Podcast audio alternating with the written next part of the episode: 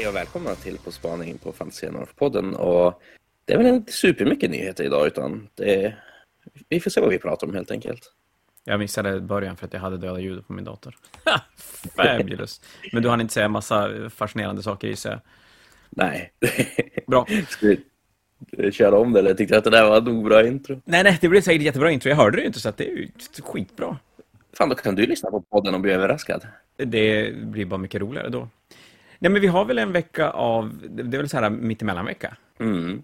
Jag har målat färdigt 2000 poäng hos Jerker. Imponerande. Något jävligt. Och spelat en av mina första tredje editions Age of Sigmar-matcher. Och det var ju jätteroligt. Var det. Inte för att jag inte har trott det innan i och för sig heller, men, men eh, nej, det var kul. Det är ju jättekul att höra. Men eh, ja, det så kanske får sätta lite mer på Age of Sigma sen. Men vem vet? Eh, ska vi kanske ta bara börja med nyheterna och arbeta oss igenom det lilla vi har fått den här veckan? Det tycker jag väl. Ska vi ta preordersna först? Ja, kör på det. Och då är det fullt ut Black Templars. Och det sa de redan innan att det skulle vara kortare tid mellan releasen av den stora lådan och grejerna lös. Och det här är ju då bara fyra veckor, är det. Så jag vet inte om det är supermycket tidigare, men, men eh, rimligt att det inte blir som orken, att det dröjer väldigt, väldigt länge mellan, mellan en låda där man får bok med och möjligheten att köpa boken lös. Jo, fast eh, vi får ju en ork den här gången också. Ja, vi får en ork som släpps nu på lördag faktiskt. Eh, den här juljubileumsgoblinen. Nej, jag tänkte den döda orken på Hellbrers bas. Det, det är ju faktiskt sant. Det är ju en ork också. Inte en Primaris Lieutenant. Hmm, Nej. märkligt. Nej. Men eh, får jag ta hypa Hellbrers lite grann? Det... Gillar du Hellbrech eller? Jo, alltså, ni kanske har hört hur mycket jag gillar Sigvald, men jag är beredd att säga att Helbrecht är alltså årets modell för mig. Och det, jag trodde inte jag skulle hitta någon som jag tyckte bättre om än eh, Sigvald som modell, men Helbrecht tar fan den spotten. Alltså, det är så jäkla mycket pondus i den här modellen. Ja, den är otroligt, otroligt jävla cool. Och en sån uppdatering av den gamla modellen som är så rätt på något sätt, för den gamla är ju en skiftmodell och det här är ju väldigt tydligt den, fast bara otroligt mycket fräschare. Oh, att de inte kunde gjort samma sak med Emperor Champion, det är så tråkigt. Ja, det är lite fascinerande, för mycket krut lades på...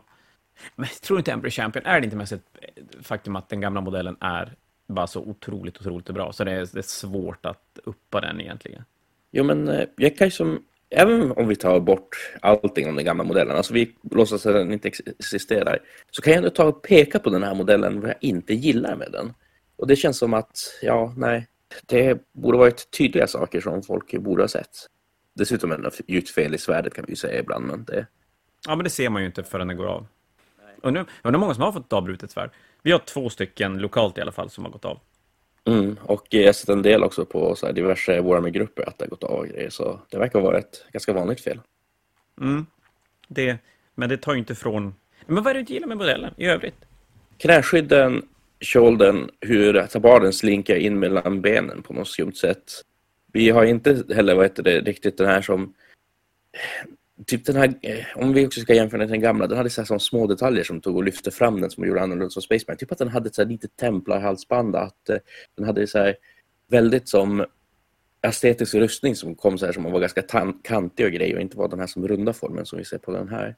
Den eh, var också mera eller ja, mindre ett vanligt mark av rustning, vilket den här stummen är mer som. Typ den här hjälmen är ju någon, den här vad heter det, eh, veteranvarianten på en Mark 8-hjälm till exempel. Och jag gillar inte heller glorien jättemycket, den är så här ovanför huvudet istället för att det är som en lagerkrans som satt på själva rustningen.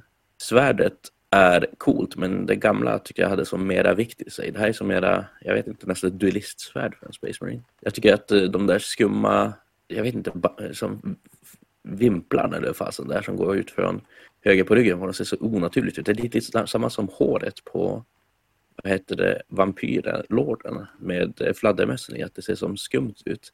Jag köper det mera på vampyrlorden för det ska ju kunna vara så lite onaturligt men jag vet inte vad det är som får dem att bete sig sådär på en Space Marine. Så nej, det är en del grejer.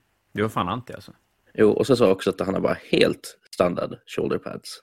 Det här ju vara den Champion, han ska vara världens mest coolaste rustningen i världen helt enkelt. Men den här snubben, alltså sätter man typ han i en Crusader Squad så skulle man ha svårt att se honom. Jag håller med att den inte är jättespeciell i... Sen vet jag inte om den andra var så superduper speciell heller. Om du tänker efter på hur modellerna såg ut också när den kom. Så jo, var den ganska speciell. Men that being said, nu är jag överdrivet kritisk för jag älskar den gamla modellen. Det här är ändå en snygg modell.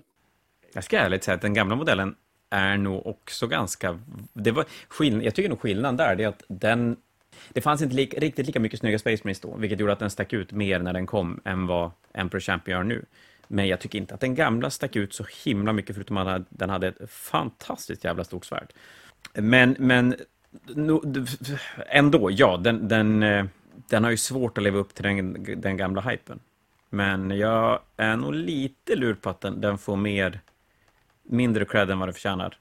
Och, och, det är nog ganska mycket för att både Hellbrecht och Grimaldus gör en större förbättring än vad Emperor Champion, eller man kan ju fråga sig om Emperor Champion gör en, en eh, förbättring överhuvudtaget. Det, det är väl en annan femma. Ja, förutom att han är större och coolare i skala så... Alltså, det, det, är nästan på nivån att jag vill spela gamla istället om jag spelade Black Templars. Ja, nej, men det, det köper jag, att man, även om den gamla kommer att vara för liten. Men ja. eh, det säger jag nog ingenting om, för den gamla är ju fortfarande en fruktansvärt snygg modell. Jo, men alltså, det är ju generationens snyggaste Space Marine alltså på den tiden. Det, när alla andra var typ, alltså, typ Ragnar så är det att han står platt med armbågarna längs efter torson och så armarna ut och håller i sina vapen. Så var det här verkligen något de lyckades ta och göra en så sjukt dynamisk och snygg pose på. Så nej, det... Mm, nej, men det håller jag med om. Däremot så tycker jag nog det, det är mer problemet för den här nya än att den inte skulle vara en, en jävligt schysst Space Marine. För faktiskt, ju mer jag tittar på den, ju snyggare tycker jag att den är. Den är skitsnygg, men ja, nej. Man ser ju bara den gamla när man kollar på den för mig. Ja. Du får ta glömma den. Eh, ja. Ska sägas också att den här releasen, det här är ju en sjukt meningslös grej från GVs sida, men att den här releasen kommer inte att vara på lördag nästa vecka, utan den är på fredag på Black Friday. De har gjort så de senaste Black Friday-grejerna, jag vet inte riktigt varför de gör så, det känns inte som att det här skulle falla under någon typ av rea-grej som kanske är synonymt med Black Friday. Nej men eh, Black Friday, Black Templars, det... Ja, förra gången var det Black Friday Blood Bowl, jag vet inte riktigt om det rimmar lika bra som, som Black Templars, men eh, ja, den, den, släpps på Black Friday, eh, vilket som. Kan i kanske tycka att fredagar är en bra, bra release, för då kan alla som inte har möjlighet att åka till butik och hämta ut grejer chans att plocka upp det på releasedagen. Ja, nej men Grimaldus också. Alltså, som sagt, att de har tagit den gamla modellen och hans eh, skumma entourage med reliker och bara gjort den modern och snygg. Ja, jag tycker lite genomgående av Black Templar-releasen att de har tagit de gamla modellerna och kanske inte i alla fall då gjort dem bättre, men att de har verkligen tagit de gamla modellerna och, och gjort en, en ansiktslyftning, eller försökt göra en ansiktslyftning på dem. Så nej, Grimaldus var också supergodkänt av mig. Jag menar, han har en ganska skum hjälm, men han ska ha en skum hjälm, annars får inte det Grimaldus. Lite Chaplin-grejer. Den här Marsan som kom också, han är ju också en gammal modell, de har bara gjort tusen gånger snyggare. Och den här är ju också en som, ja alltså, nej, allt ifrån de här små dödsskallarna på bältet till eh, de här som layered eh, armorn på benet som också vi ser på Helvrecht eller bara själva posen hur den ser ut som förra. Nej, det, det, det, det är en skitsnygg modell här också. Som de flesta grejerna till Black Templars. Och sen som sagt Kastellanten, alltså deras, det här är ju dock en Primaris Lieutenant, men det här är ändå okej med att det är en Primaris Lieutenant för han, han ser så himla speciell ut. Och han ska ju se ut som snubben på eh, coverarten till, eh, vad är det, tredje editionens eh, regelbok. Ja, tredje editionsgrundlåda. Den här gillar jag ju inte alls lika mycket. Jag tycker att proportionerna på den här är lite halvkonstiga. Den, den känns lite bred över bröstkorgen och sen är ju yxan liten. Men eh, som sagt, jag skulle vilja se den här live innan jag ger den det slutgiltiga måttet. Men förutom proportionerna, att han har alldeles för stora shoulder pads också och för stor och det känns som att benen är korta. Som sagt, den är problematiska proportionerna, men detaljerna älskar jag verkligen. Yxan ser fenomenal ut. Och, alltså, allting så här smått och gott som så här utpimpat på honom. Får verkligen säga Black Templar-vibbar av den. Ja, men det här är väl drömmen med Black Templars och kanske det som de och Dark Angel har gemensamt mot många andra Space Marine Chapters, att de har så enkelt möjligheten att göra de här extra detaljerna som gör att de sticker ut från alla andra Space Marines ja, men Black Templars, Space Wolves och typ Dark Angels. Det är väl de tre riktigt ikoniska som man skulle kunna säga. Men samtidigt så tycker jag att man hade kunnat göra det med fler Space Marines. Jag menar, typ White Scar ska ju också vara superspeciella, men det är bara att vi inte ser det i modellform. Typ kolla till exempel på Jagatai de har släppt nu till som deras primark. Jag skulle kunna tänka mig att om man ger det ytterligare någon edition när de har, för nu känns det ju som att det är Black Templar som får extra mycket fokus som kanske inte har fått det, eller inte nödvändigtvis får det varje uppdaterad Space Marine-våg. Och då är ju frågan då nästa gång kanske det är en annan Space Marine Chapter som får det där extra, för nu har ju de allra flesta fått sin egen karaktär, de har fått sina egna upgrade packs, så nu är väl steget efter det att fylla på med ännu fler karaktärer och kanske unika enheter. Eh, nu när du säger det så påminner den här releasen för mig ganska mycket om du vet när Blodänglarna fick sin uppdatering, alltså typ 2008 eller något sånt där. Om Sanguinary Guard och Death Company och Furioso Dreadnought och grejer. Det gjorde att de klev från att vara bara vanliga Space Marines som hade lite vampyrtendenser till att bli en helt utfylld och utkittad egen faktion. Ja, men det stämmer nog. Som, som sagt, de har gjort det. De gjorde det med Dark Angel också, även om Dark Angel fick det under fler olika vågor på ett annat, eller, vågor på ett annat sätt. Och som sagt, Space Wolf har ju alltid haft ganska mycket egna saker. Och nu hamnar ju då både Dark Angel och Blood Angel lite efter på grund av Primaris-svängen. Så det är klart, nästa gång kommer det väl att bli då, jag, jag frågar hur de gör det, men det bikesen till Dark Angels och, och nya Dark Angel-veteraner i Primaris size. Men förr eller senare så ska det väl dags att röra sig Imperial Fist eller White Scar eller Raven Guard, vad det nu kan vara för någonting kommer jättecoola salamandrar med så här jättepimpade så här smedrustningar med drakhuvuden och eld och grejer på sig. Där, där När du säger det, ja de flesta Space Marine Chapters har ju en, är ganska lätt att göra det där lilla extra. Mm. Ja, men även Ultramarines har ju sin egen vibs med romerska legioner och saker som är... Ja, de släppte ju, till, nej, till, till Ultramarines släppte de ju de här Tyrannid War Veterans för hundra år sedan. Och jag tycker ju, jag ser fram emot en dag de faktiskt vågar dela upp Space Marinesen och inte hålla dem i en enda bok och sen göra så här små expansionsböcker, utan verkligen göra de olika Space Marine Chaptersna som ja, men egentligen helt olika arméer. Sen att de i grunden är densamma, men att ja, men, skippa bikesen till salamandrar eller eh, ja, och, och, ge dem en helt egen enhet som de andra inte har tillgång till. Och jag tror att det skulle vara mycket lättare för dem att balansera Space Marines om de gjorde så. På tal om enheter som andra inte har tillgång till, Sword Redrun. Det... Ja, det är fan eh, pimp deluxe. Ja, så fantastiskt cool enhet och de är ju också så här som är för gamla modeller. Typ han med dubbla lightning claws är ju bara en copy-paste av den gamla i Primaris-format. Om det är någonting jag ogillar med den här enheten dock är ju det att man är ju exakt som typ eh, man har sett mycket Age of Sigma att du är tvingad till att ta vapenoptionerna de har på sig. Alltså du kan inte typ köra en hel enhet bara med lightning claws som du skulle vilja utan det är en lightning claws per fem eh.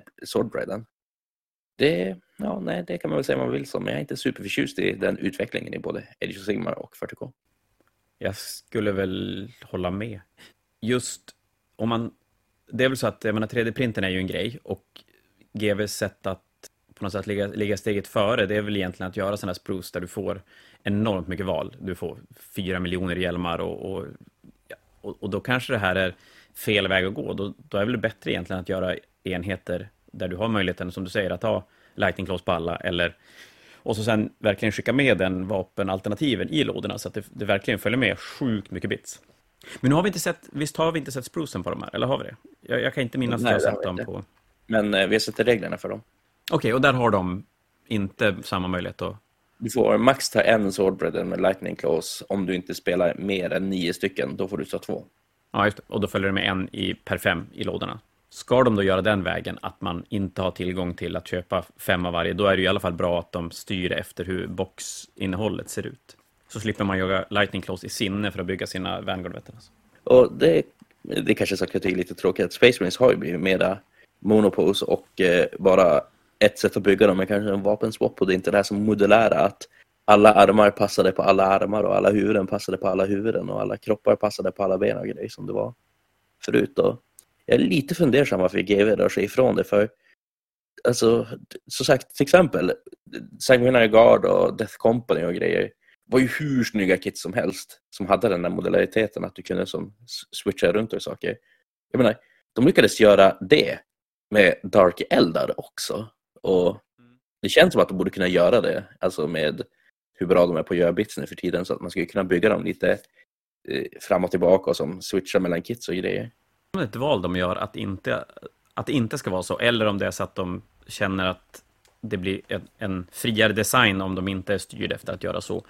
Och kan göra mer detaljer som rör sig över kroppsdelar, så att de inte behöver hålla sig på sin, sin sida, så att säga. Jo, men eh, som sagt, jag tror att GW hade kunnat göra både och med hur bra de är på att göra plast nu för tiden. Ja, det tycker man väl i och för sig. Men där får man väl Primaris Crusader Squadden är ju lite mer så. Den är ju lite mer delbar. Och det här är ju Crusader Squad också. Det, det är ju verkligen en klassisk Crusader Squad. Det är en snubbe som är typ en Suedo Sword Brethren som leder ett gäng Initiates som är typ, vad ska man kalla dem? Intercessors med eh, ett gäng, eh, vad heter det, neofyter som är, alltså. Carapace Armor. Och så som sagt blandade vapen och grejer i den. Och en ganska cool ny Flamer. Ja, den där skåden gillar jag. Den, den är ju verkligen Black Templar så det bara skriker om det. Den är cool. Men det jag däremot inte gillar, Vad? nya framsidan på kodexet. Ja, det är lite tråkigt faktiskt. Ja, men huvudet på snubben som står där. Jag tänkte också säga det, jag stör mig sjukt mycket på den där framsidan av en eh, Dark Angel på en Core Army Book. Och den har ju samma problem, alltså kolla på hans vänsterarm. De, de har verkligen inte lyckats det här med perspektivet, att det ska som bli större in i bilden, utan det är bara som, ja, nej jag vet inte. Ja, den är ful. Ja. Och så hans bröstkorg känns jättestor också. Ja, det är lite samma problem som den här modellen som ska se ut som framsidan av tredje editions grundlådan. Mm. Nej, den här, så har ni möjlighet att få tag i Black Templar-lådan, Fantasia kvar några stycken, så eh, är ju den framsidan coolare. Faktiskt. Jag skulle säga att det där var shameless promotion, det här är ju trots Va? allt Fantasia North-podden så. Ja, fy fan. Förlåt, det var inte meningen. Nej, men det, jag har ju faktiskt själv köpt den boken också. Jag är ju ganska glad för det när man ser hur den nya framsidan ser ut. Den gamla är ju verkligen, det, som sagt jag köpte den bara för att jag ville ha boken med framsidan om jag ska vara helt ärlig. Ja, det är fullt rimligt. Fullt rimligt. Eh, Sen kommer det ett upgrade pack och det är väl egentligen då så att du kan göra egna sådana Crusader Squads. Mm. Och eh, reliker. Vi har ju The Shroud of eh, Yada Yada, The Sword of Ja, eh, någonting och hjälmen av eh, Doom och boken av Destruction och grejer och handgranaten i scoutarmen av eh, Void Nej, inte så, men det, alla de här speciella sakerna som man ser är någon form av eh, relik helt enkelt. Det är kul när de gör så. Så man kan visservygga fan 110 procent. Eh, sen kommer det hittills de mest ospännande tärningarna. Ja, Och då är det alltså vanliga T6er med korset på sexan. I svart och vitt. ja, nej, jag önskar att de gjorde mer spännande tärningar. Det, jo, det är det här man får när man börjar klaga på GVs tärningar. Ja, för de, ingen, alltså, det, är ju, det är ju det här alla skriker om. Tärningar vi kan använda för att det inte finns tärningar att köpa i miljoner out there. Så vill vi ha supertråkiga, superdyra tärningar. Ja, istället för bara få så här tunnor och studsande tärningar och självlysande tärningar och vad fan det kan vara för någonting. Minns du eh, de här jättecoola Sisters of Battle-tärningarna vi gjorde som hade så här typ alltså Rosario och grejer på sig och var eh, så här jättepimpade? Fatta hur häftiga så här Crusade-temade tärningar vi hade kunnat få. Det hur coolt som helst. Och så skulle man skriva på lådorna skulle man skriva så här, not suitable for play. Så att folk har fattat att det här är bara kul vondtärningar och men hålla reda på command points eller vad fan det nu kan vara för någonting och, och inte spela med dem. För det är ju ett straff att möta någon som faktiskt spelar med de där tärningarna. Det, det går ju inte. Mm. Men så här för coola grejer. Alltså som sagt, command points, wound trackers och grejer. Det, nej. Mm. Det känns som det vi säger det här varje gång det kommer nya tärningar nu. Ja, det och 20-0-systemet Ja. Men, men det kanske vi kan undvika den här gången, jag vet inte. Äh, du sa ju det precis så. Vi sa det förra gången, okej, det är inte vi. Jag sa det förra gången att det skulle vi ta upp och så glömde vi det. Ja. Och, men ja, vi, vi ser väl vart vi landar någonstans. Men det var i alla fall nyheterna för nästa vecka. Släpper de en återsläpp på den här gamla äldre Chaplinen? Ja, det gör de. Spännande.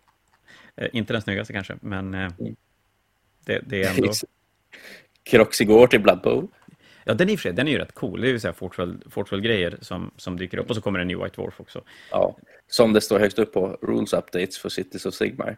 Och Oj. man skulle kunna vara supertaggad på Cities of Sigmar-regler, men betyder det här att en ny kodex för Cities of Sigmar är jätte, jätte, jättelångt borta? Ja, vi har väl inte riktigt sett resultatet av de uppdaterade White Dwarf-reglerna. Alltså, om det innebär att det är väldigt långt borta innan det kommer ett Codex, eller eh, Battletome. Det, det finns en risk för att eh, Battletomen är jätte, jätte, jättelångt borta när de släpper White Wolf-regler. Tror du det kommer komma en, en ny Cities of Sigmar-bok, eller kommer de att göra någonting annat av det? Jag tror att antingen så får en Cities och Sigmar som förut och de vågar inte ta steget eller så tar de och gör en helt ny range och kallar det för Dawnbringer Crusades och att vi får det istället. Alternativt att det blir som Stormcast, att antingen så spelar du Stormkeep som hänger sig i sina keeps och försvarar realmen, eller Scion of the Storm, att du går på offensiven. Att du kan spela antingen en City, eller så spelar du en Dawnbringer Crusade. Och att det är som två olika sätt att spela armén på. Jag tycker att det vore värt att göra någonting åt den armén. Att bestämma ja. lite grann om, om vad man ska göra de gamla grejerna. Och tänka att det är okej, okay. jag menar om de tog bort, de tog ju bort ändå mycket snygga gamla saker, så varför blev vissa saker kvar? Vad, har vi? Eh, Dragon Princess försvann. Ja. Men White Lions försvann också, va? White Lions, Dragon Princess, där, du vet eh, Chariotsen som var dragna av fåglar från High Elves försvann också. Men Phoenix Guards blev kvar? Alltså inte bara det, Outriders blev kvar, de är ju eh, sen innan eh, det här, ja, alltså millennieskiftet. Och så typ... vi kan inte säga att, att de hade kvar, de tog bort Dragon Princess för att de inte ska ha hästar eftersom de har kvar Outriders. Ja, det är märkliga val tycker jag där, hur de valde att plocka bort vissa saker. Och jag hade köpt att de hade tagit bort allt, jag hade köpt om allting var kvar. Men den här skillnaden och att spara, jag vet inte, spara Shadow Warriors men inte White Lions. Eller typ så här, ja vilken mer var det var snyggt som de plockade bort? Empire Archers försvann ju också. Mm, de var ju sig fula, men det är okej. Jo, men de, vad de hade kvar också, jag tycker att de är ju faktiskt snyggare än handgunners. Om man ska titta ur försäljningssynpunkt så hade det ju varit bättre att ha kvar Archers och tagit bort handgunners. För Archers är ju ett kit som fler saknar. Eller, det vet vi ju sig inte nu när handgunners finns kvar, men jag tror att fler hade saknat Archer-kittet än handgunners om de hade valt att göra så istället. Vad heter, det, vad heter de? Free Company försvann ju också. Och där fanns det jättemycket spännande bits. Mm. Det är väl en låda jag tycker att de borde göra en, en ny version av. Men jag, där, jag tror att vi har pratat om det tidigare, just att jag tycker att Kevin skulle göra mer generisk fantasy som ändå skulle passa in i Age of Sigmar eller, eller Warhammer. Jag tror att de skulle ha en, en... De skulle finnas en plats för dem att göra sånt. Eh, ska vi säga pre-orders då kanske? Ja, det där var pre-order. Vad är det då som står här? Pre-orders eh, Warcry? Det är därför GW är dum i huvudet. De har lagt upp en till pre-order Warcry. Det är alltså det som preordras nu. Som de har gjort ytterligare en, en, eh, en artikel på community-sidan om att ni kan preordra Red Harvest. Men det är ju det som preordras idag fram till, till fredag som släpps på lördag. Och det här som vi har pratat om nu, det är det som kommer börja preordras på lördag nästa vecka. Precis, vi har redan snackat om det här, ser ut som det är kornlaget och grejer. Ja, det och det är ju framförallt Red Harvest Warcry-lådan kanske som är, är, fokus där. Det känns lite grann som, nu har vi ju, vi får ju lite som, lite facit på vad som är hett och inte när preorders går live på lördag. Man, man, vi får ju lite säljsiffror och även om vi inte är gigantiska så får man ändå lite sådär indikation på, på vad som känns hett och inte. Mm. Och någonting som verkligen inte verkar ha flugit hos folk, det är ju nya orkboken, eller expansionsboken till orkerna. Eh, Octarius, eller? Ja, den verkar inte alls ha blivit så, så het som... Eh, ja, men det känns som att suget efter de där böckerna har som sakta men säkert gått neråt. Den första boken med Drukari sålde extremt bra. Och sen kom nästa med Admec-grejer och den sålde sådär. Ja, men den sålde bra. Och sen kom Tyrannidboken och den har inte alls sålt i, i samma mängd. Och så nu då Orkboken och den ser inte heller ut att sälja i några jättemängder i jämförelse med, med mycket andra 40K-produkter som kommer. Sen vet jag inte vad det, vad det beror på, men, men det kan väl vara att folk blir lite mätta av att de har just köpt en bok till sin armé och så kommer det en till uppdatering till den redan nya boken. Det är helt enkelt så att ingen spelar tyrannider. Förutom jag, vilket är mm. helt rätt. Jag vill vara den här eh, udda fågeln. Jag, jag vill vara... det, har vi glömt. Det kommer ju en, eh, vad är det, en Invictor Warsuit en, och en librarian i alltså den här eh, Toy Rangen de gör. Ja, de satsar ju stenhårt på merchandise runt omkring. För McFarlane har ju redan släppt och släpper ju massor med actionfigurer. De har ju släppt, vad har de släppt? En syster, en Hellblaster, en, en vanlig intercessor, en flade, en Mega Arm och en Nob eller vad, vad det är nu till orkerna.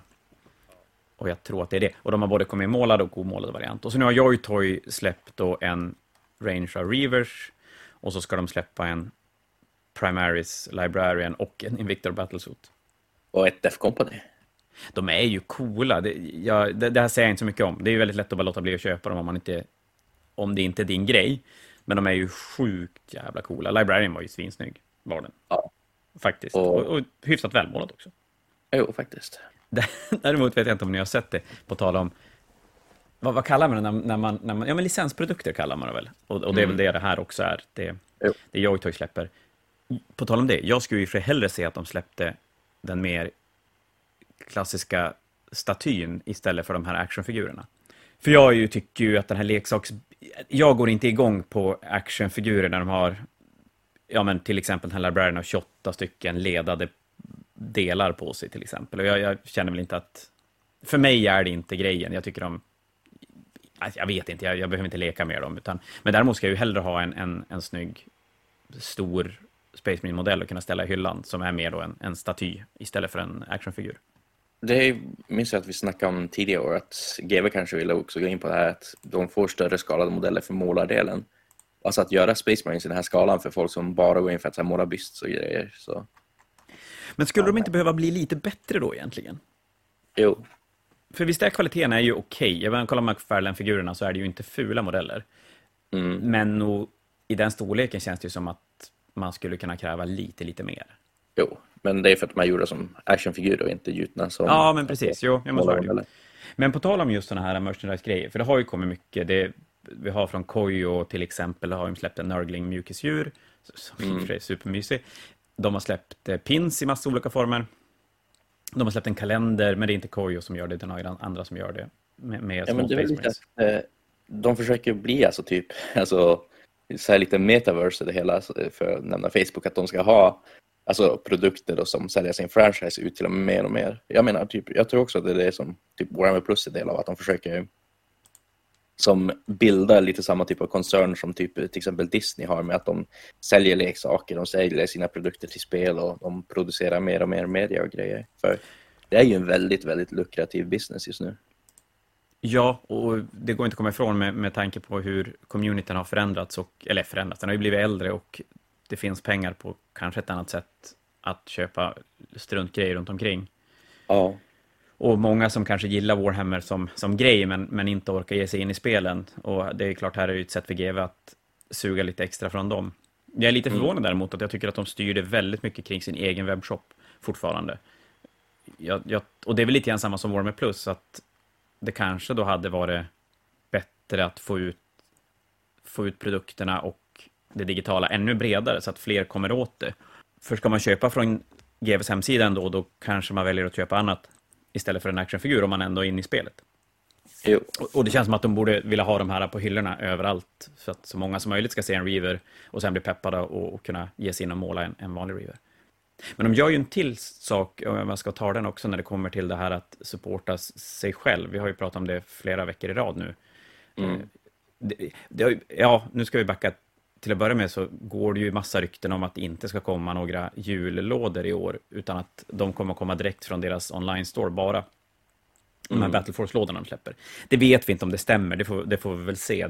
De annonsades 15 november i fjol, så det är fortfarande en vecka kvar innan det skulle vara dags att göra det. Men jag såg att de släppte en Nurgle-låda, eller det är ju ingen låda, Nurgle-bundle i lördags på GVs hemsida, som är två, de två olika Nurgle Start Collectingarna och en låda Nurglings, som man sparade rätt rejält med pengar på, kontra att köpa sakerna löst. Och den kan inte vi köpa in och ha på hyllan i butik. Däremot kan vi beställa hem den åt folk, så vill ni köpa den så behöver ni inte beställa direkt från GV. Det, det går att ta genom er lokala butik eller Fantasia. Mm. Men det, det, är en, det, är, det är en uh, lite annorlunda utveckling. Är det. Ja, det är spännande att se vart det tar väg någonstans i alla fall. Mm. Vad, vad de har för tankar. Men, nu just det, på tal om det här jävla uh, merchandise-grejen. Visst har du sett att de ska släppa doftljus? Som på riktigt verkar vara en legit produkt. Ska de släppa doftljus? Ja, alltså det har snurrat runt på mitt, mitt Facebook-flöde uh, jättemycket. Och jag har hela tiden trott att det är bara, det är bara skoj. Mm. Men det verkar faktiskt vara var på riktigt. Verkar det vara. Så det är... Ja. Men nu ska jag inte säga, det här kan vara värsta sköna aprilskämtet, för jag har inte sett det bekräftat. Eh, men att det ska komma en Slanners Astra Militarum Space Marine Tau och ett Tyrannid doftljus som är en burk med ett tryckt lock och så sen ett ljus i olika färger inuti.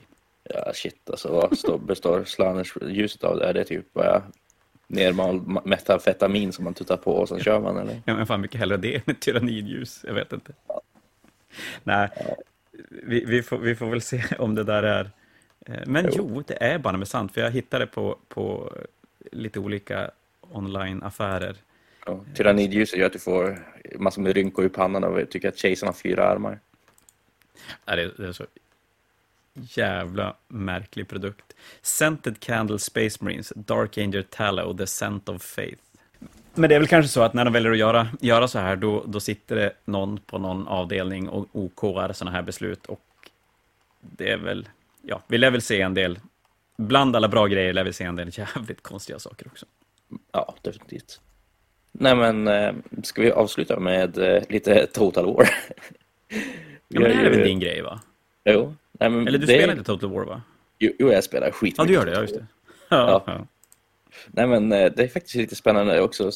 En, jag vet inte om man ska kalla det för en analys eller något sånt där, men eh, vi har fått se OG-rosten till Total War och det tyder ganska mycket på vad som kommer komma skall till eh, Old World kanske. Och det, de har aldrig gjort en så stor roster förut till alltså, introdelen av ett spel. Vi får alla enheter till Ogre Kingdoms förutom Bruchers och eh, Getis. Yetis. Och det är ju, känns som en helt fantastisk lineup. Men det som jag tycker är spännande med den här rosten och det är ju när man kollar på månfangdelen i det hela. I Total fungerar det som att du har eh, alltså tier 1 till eh, tier 5 i enheter. Och då börjar du kunna få Morfangs på tier 3. Du får två olika varianter. Nej, tre olika varianter till och med. Och det tror jag kommer vara typ, ja men säg Gargant Hackers och eh, Iron Fists och hela. Men sen när du går upp till tier 5 så får vi Rhinoxar istället för Månfangs. Okej, men har inte de funnits för Forshell tidigare? Nej? Jo, jo det har de. Men jag, jag, jag tänkte ju alltid att Monfangsen var det som bytte ut Rhinoxarna. Att det var som, nu ska vi göra dem i plast så vi gör om dem lite grann. Men nej, det är två stycken distinkta enheter. Men då är ju frågan, är... Ja, då tänker du att det här kan vara en indikation på vad som ska komma till Old World när det är dags för att släppa, släppa Ja, precis. Och att eh, som sagt, det kommer ju få både Monfangs i sitt plastkit och få Rhinoxar. Det känns som att det är två enheter som tar så komplett och konkurrerar ut varandra på exakt vad de gör. Ja, hur ska de kunna skriva regler så att de... Nej, men det skulle väl bli en sån där en blir strikt bättre än den andra. Ja, att det är som elitvarianten på det hela. Men det känns ju som att Moonfangs redan är alltså sjukt elit monströst kavalleri. Ska Rhinoxarna vara bara lite mer elit monströst kavalleri? Det känns ju som att det kommer vara lite som att du eh, tar och eh, strösslar din vaniljglass med mer vaniljglass helt enkelt. Det, Men hur funkar det i Total War? Jag har ju aldrig spelat det spelet för att jag är ju inkapabel att spela dataspel. Förmodligen Vad... kommer det bara vara rakt av att de har lite bättre stats. Men eh, som sagt, det kommer ju bli problem med det. Att säga att eh, Monfangsen är lite mer alltså, poängeffektiva kommer ju folk spela Monfangs. Är eh, Rhinoxarna lite bättre för sina poäng kommer alla spela Rhinoxar. Det känns ju som att de så här, komplett konkurrerar ut varandra. Ja, men det var, det var det min fråga där under, under Ja. störningen. Att det, det är så i det spelet också, att man hamnar i lägen där enheter bara konkurrerar med varandra. Men så fort du får eh, resurserna och eh, teknologin för att ta och bygga den högre tierade enheten, då kommer du aldrig se den lägre tierade enheten igen. För den, den, den, den blir bara utkonkurrerad. Men då har man i alla fall, under en period så är det värt att spela med den andra enheten då, när man inte har råd att bygga den, den dyrare enheten. någonstans här mitt i spelet har inte hunnit komma så att du kan producera alltså Rhinoxar, ja, alltså motsvarande Rhinoxar. Säg Mm. till exempel eh, att du kan producera Swordmasters, då kommer du aldrig någonsin göra Spearman igen till exempel. Men har vi sett någonting ur Total War som faktiskt har kommit i figurväg? Som, som börjar ur Total War och sen kommer som figur, eller är det fortfarande bara andra vägen runt? Nej, vi har fått se bara concept art. Eh, typ allting vi har sett som, här, i Old World till Kislev som ska komma, det är ju 100% gjort på samma concept art som de har till Total War. Typ det här björnkavalleriet och eh, liknande. Så Men till Age of Sigmar så verkar de hålla det separerat. Jag tror att när Old World bör- kommer komma så kommer vi se jättemycket av sakerna från Total War. Och Mm. det är jag fruktansvärt taggad på. Jag menar, Cathay får en freaking så här, kinesisk draklår och grejer. Och det, det, det, det är en sån ja. Ja, fortfarande väldigt, väldigt, väldigt spännande att se vad, vad som blir grejen av eh, Old, Old World. Ja, och kommer vi få Rhinoxar tillbaka då som är bara lite bättre än Monfangs och lite snyggare modeller för de orkar inte uppdatera de gamla plastmodellerna till Monfangs. Då, där är det väl Rhinox man kommer att spela. Ska det komma som medicinmodeller från Fortral då, så det blir världens dyraste grej att spela? Ja, gud, tänk om de, de tog tillbaka in i dem i produktion för Old World. Det tror jag skulle vara att gå käpprätt åt fel håll. Förmodligen. Men det lär vi väl få sitta och ranta om, om ja, kan det, vara, det måste ju vara två, tre år. Det för det lär ju ha skjutits jävligt långt i framtiden på grund av ja, allt som har hänt. Definitivt. Måste det vara gjort. Ja. ja, det blir spännande. Men det var väl ungefär det som var snack om. Nej, men jag tycker väl ändå att vi kan nämna lite grann att GW har lagt ut en gamers, gamers survey på, på community-sidan där vi ska tycka till om 40K. Jag vet inte om du har gått in och gjort den? Eh, jo, det, det, den, den är lite roligt gjord, så här, typ att du kan ta och både säga att det är för mycket regler och för lite regler och säga att du inte vet varför. jag, jag, jag har också gjort den och jag, jag, känner väl att hur ska de kunna få någonting vettigt utav det där? Nej, det tror jag inte. känns mer som en grej att vi, vi berättar, eller vi visar att vi faktiskt bryr oss, men vi kommer inte kunna använda informationen till någonting Nej. riktigt vettigt. Kanske. Det finns säkert någon fråga så här som det en nyckelfråga de var ute efter. men typ den här, hur, hur länge har du varit en spelare till exempel och eh, så ser de om de har haft så här stor inflow på eh, nytt folk eller om det är mera gamla rävar som håller på och grejer och som köper och alltså ja. hur det ser ut och så liknande. Så. Sen kanske det är bra för dem att se hur många som faktiskt, faktiskt bryr sig. Tillräckligt ja. mycket för att gå igenom och svara en sån där. Men också så här, vilket format som spelas, typ. Alltså, är det värt att göra mer effort på Paths of Glory, Crusade och liknande? Mm. Skulle tro att, i och för sig det vet jag inte, men det känns som att en, en stor del av de som ska svara på en sån här är matchplay-spelare som, som är ute efter att försöka tweaka sitt spel till perfektion. What do you enjoy about Warhammer 40k game? Pick three. Winning. Doing Bara. something fun. Jo, miniature, så. Ja, nej, det, det... Den, den tycker jag var ganska mysig. Men, men sen får vi vara försiktiga, det får inte bli för perfekt, för då blir det väl som vi kom fram till förra veckan, att eh, då lägger de ner spelet. För er som inte vet så Guild Ball la ner för att de ansåg att spelet hade blivit för perfekt. Det var väl allt för idag, eller? Ja, jag tror väl det. Så då är det en vecka till nästa på spaning och däremellan så får ni förmodligen en ork Competitive 40K på svenska. Vi har ju nästa omgång av eh, Karantän Fanatiken också vi skulle kunna snabbt bara rabbla igenom. Ja, men just det. Vi har ändå fått lite fler matcher, även om 40K-sidan är lite, lite, lite skum. Ja, men i Age of Sigmar så har vi då extra matcher som var ju att eh, Ronja spöade Per Ledström. Så Ronja får möta Sigvalius och Bebbe får möta... Nej, tvärtom. Ronja får möta Bebbe och Sigvalius får möta Andrei. Ja, och då ska jag säga alltså att Ronja vann på VO över Per. Och jag såg matchen mellan, mellan Bebbes Nurgle och Theodors Soulblight. Och det var, det, var, det var ganska roligt att se. Eh, Theodor är en väldigt, väldigt vad, vad ska man kalla det? Han, han, det syns väldigt tydligt på han hur, hur, han är, om han är glad eller om, han är, om det är mycket eller sådär. Och han kom som vanligt väldigt peppad till matchen, och, som, som han alltid är när han spelar. Men för varje gång han gick in där och kollade så hade han sjunkit lite, lite djupare i stolen. Så på slutet satt han typ med hakan på bordet. Nej, det var tungt för honom. Det var som ingenting mm. som gick. Eh, så Bebbe lyckas plocka den. Ändå tror att... Nej, men det, var, det blev ganska klar seger till slut ändå. Vad har du för spekulationer om det? Då har vi alltså Nurgle mot Nighthaunts på ena sidan och Sinch, Kairos. Nej, Kairos lista va? Nej, Bella Nej, det är Bella Colista. I och för sig kanske han har Kairos också, vilket många har, men jag tror, eh, vad heter det, Luminet blir det. Ja, men just det, Andres Luminet, ja, precis. Jo. Jag tror att vi får Sigvalius mot Bebbe i finalen, för Bebbe har ju spelat jättemycket Nighthaunt, så han vet ju exakt vad Nighthaunt kan göra för någonting. Mm. Och då heter det, Sigvalius har ju Bellacor, vilket är en jättebra Silver Bullet mot just Teklis. Så ja, nej, jag, om det inte är någon som skräller igen så som sagt, då blir det Legion of the First Prince mot eh, Nurgle i finalspel. Och de spelade i gruppspelet redan och det lät som att det var typ världens tråkigaste match. Ja, det är två stycken arméer som inte gör så mycket framåt. Och ingen vill att den andra ska göra någonting. Eller, ja, det, det lät som att det var en märklig match. Men vi får se om det stämmer. Jag kan tänka mig att jag lämnar en liten, liten varningens flagga för Ronja som jag tror definitivt har skrällpotential i så fall mot Bebbe. Jo. Faktiskt. Eh, på 40K-sidan så har vi tyvärr haft lite svårt att få upp matcher i denna eh, värld vi lever i. Så där har Björn Strokari vunnit på VO mot Harlequins. Och vi... Så, så den matchen, då går Drukari vidare och kommer att möta Thousand Suns som faktiskt då spelade och vann mot Admec. Och på andra sidan har vi Patrik Tau som vann sin kvart, som kommer att möta Mickes Eldari Drukari Soppa, som Micke vann på VO i sin kvart. Så att vi hoppas att de matcherna kommer att spelas i alla fall, för där har vi inte så mycket... Ja, hälften av kvartsfinalerna avgjordes på VO, så det är lite tråkigt än så länge, men vi hoppas att det blir bättre i semifinalen. Och sen blir väl målet att vi ska streama respektive final. Jo. Det blir bra. Ja, typ så. Stay tuned, helt enkelt. Så ja, vi får kanske lov att tacka för oss för ikväll. Och... Ja, men det gör vi. Så ska jag ta och fixa det här så att ni, de, ni får lyssna på den här imorgon, alltså idag, eller äh, whatever.